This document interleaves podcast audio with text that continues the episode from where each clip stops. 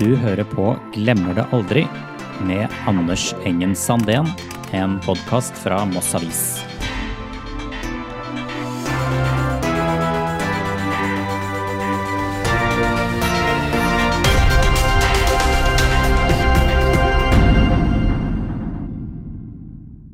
Plutselig så var det fyr i hele taket. Og så fløy jeg rundt i leiligheten og tenkte jeg, hva er det jeg skal ta med, hva er viktig? Så husker jeg han ropte 'nå rydder vi forsida'.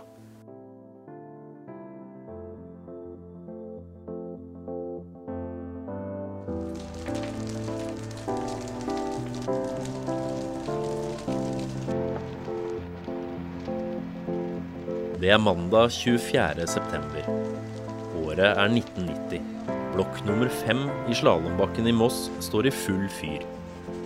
Maktesløse beboere står og ser hjemmene sine brenne opp. Heidi Rynning var en av de som opplevde sitt livs mareritt den dagen. Sammen med sønnen og samboeren bodde hun i naboleiligheten til der det begynte å brenne. Jeg husker ikke mye klokka var når dette starta. Fikk jeg telefon på jobben at jeg måtte komme hjem, for brannfolka hadde brytt seg inn eller tatt døra i leiligheten min. Så jeg kjørte jo fra jobben. Jeg jobba nede på Kapal den gangen jeg var i sentrum. Jeg husker jeg kom ut på innfartsveien. Jeg tenkte herregud, jeg så bare røk, og du ser jo opp mot blokka. Så jeg, jeg, jeg, jeg fikk jo helt panikk. Jeg vet ikke hva som surra i hodet mitt. Jeg kjørte jo opp og parkerte bilen helt nede og løp bort til inngangen min. Og så sier de at jeg ikke fikk lov til å gå opp. Så sier jeg jo, jeg skal opp, sa jeg. Moss Avis-fotograf Terje Holm har dekket utallige branner opp gjennom årene. Men denne dagen skulle bli helt spesiell for den erfarne pressefotografen. Jeg tror at jeg hadde vært ute på en jobb og kom inn til huset. Dette var på slutten av dagen. eh, Og fikk beskjed om at det var brann på Gjerrebaugen. Og det var bare å kaste seg i bilen og kjøre opp. At Jon Ivar, som var en av de andre fotografene, hadde dratt i forveien. Så jeg bare satte meg i bilen og kjørte opp. For da kunne jeg se røyken. Allerede når jeg kom til Flemmingerne, så så jeg røyken. Og da var det bare å kjøre opp så fort som mulig. Daværende brannmester i Moss, Øyvind Tømt, var en av de første som ankom brannen i Slalåmbakken. Eh, Han som satt i telegrafvakta den gangen, det var jo han eh, Kjell Arne Onsaker. Og jeg mener det kom over høyttaleren at, eh, at det var brann i taket på, på, på B-blokka.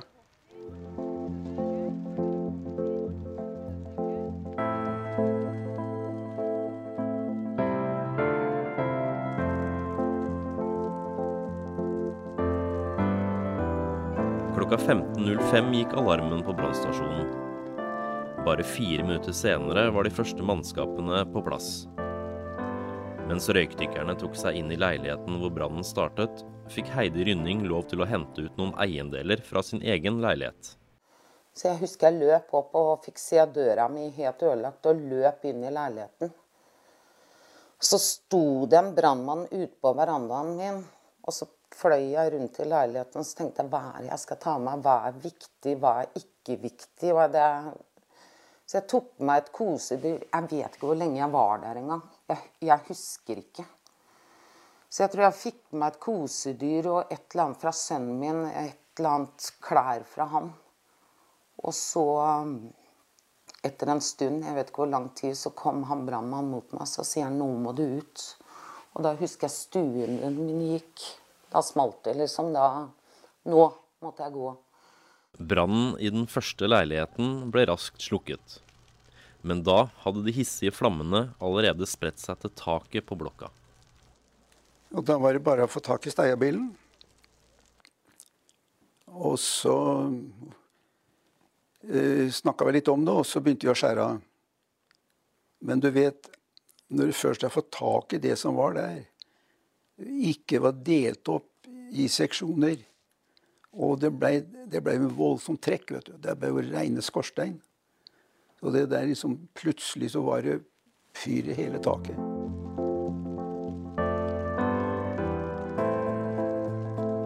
På dette tidspunktet var hele byens og snart hele landets oppmerksomhet rettet mot brannen på Jærbaugen.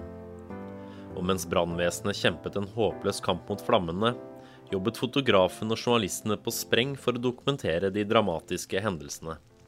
Ja, det som ofte er problemet når det skjer store ting som det der, så er jo Det skjer så mye. Og det skjer så mye på så mange steder, liksom. Eh, så man må liksom bare prøve å bruke intuisjon og, og både dokumentere det som skjer, det som faktisk skjer, altså brannen. Og så har jo oppi dette så var det jo masse mennesker og masse menneskeskjebner. Jeg hadde jo aldri i hele verden trodd at det skulle brenne så mye, og det gikk så fort. Du så liksom brann føyk bortover hele taket, på en måte. Det gikk så fort. Du så brannfolka holdt på, Du, ikke bare vann, du så dem sto og spyla. Det rakk ikke opp engang. Det, det gikk så fort alt sammen, så du, du Jeg var vel heller mer sjokka enn Nei, det var kjempetøft. Det var det. Det var jo grunn ikke så veldig mye vi fikk gjort, da, annet enn også bare å prøve å få dempa det som var på toppen der. Så eh, det måtte jo bare, bare brenne ned. Det var ikke en nubbesjanse for å få gjort noe annet. Til sammen deltok nærmere 80 personer i slukningsarbeidet. Det skulle gå tre og en halv time før brannen hadde roet seg. Samtlige leiligheter i den øverste etasjen var totalt utbrent. Senere på kvelden var nærmere 300 beboere samlet til et krisemøte i samfunnssalen. Flere hadde mistet alt de eide, og behovet for hjelp og informasjon var enormt. Samtidig, bare noen hundre meter unna, var det hektisk aktivitet i redaksjonslokalene til Moss Avis. Den gang så var um, Tom Ulsgaard var nyhetsredaktør den gangen. Og jeg husker han var, han var avismann. Han, var, han likte at det skjedde noe. Jeg husker at når vi kom Vi hadde dialog med han underveis også. Men jeg husker når vi kom tilbake, så husker jeg han ropte 'Nå rydder vi forsida'. Den skulle være blank. Der skulle det bare være brann. Og så var det jo da å sette av plass i avisen. Rydde sider. Bestemme hvor mange sider skal vi bruke på det her. Eh, hva skal være sort-hvitt, hva skal være farge? Hva skal være hovedsaken, hva skal være undersaker?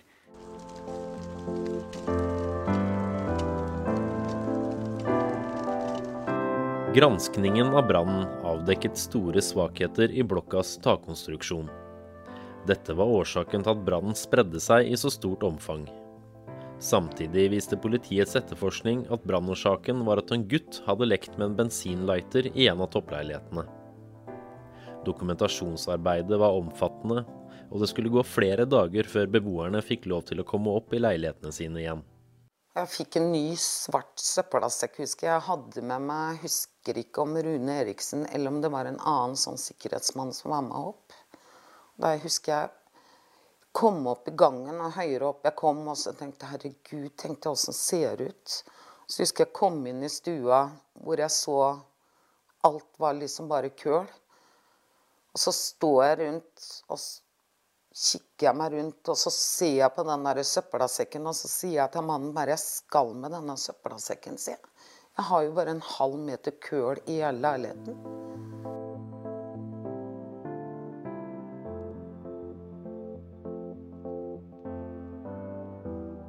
Utrolig nok ble ingen mennesker skadet i det som regnes som en av norgeshistoriens største husbranner. Ja, det kan vi jo si at det hadde det vært om natta. Kan tenke at alle folk hadde ligget og sovet. Så tror jeg vi skulle fått enda mer problemer. Gjenoppbyggingen av blokka tok et halvt år. Men pga. de vonde minnene var det ikke alle som valgte å flytte tilbake. For Heidi Rynning var det bare godt å endelig komme hjem igjen. Så det, de gjorde jo mye sikrere. De gjorde de også. De bygde jo flere av disse sperringene opp. Det er klart det starter ikke én brann til å skje sånn en gang til i den blokka der. Det gjør det ikke. Du har hørt 'Glemmer det aldri' med Anders Engen Sandén. Musikken var ved Kim Granholt.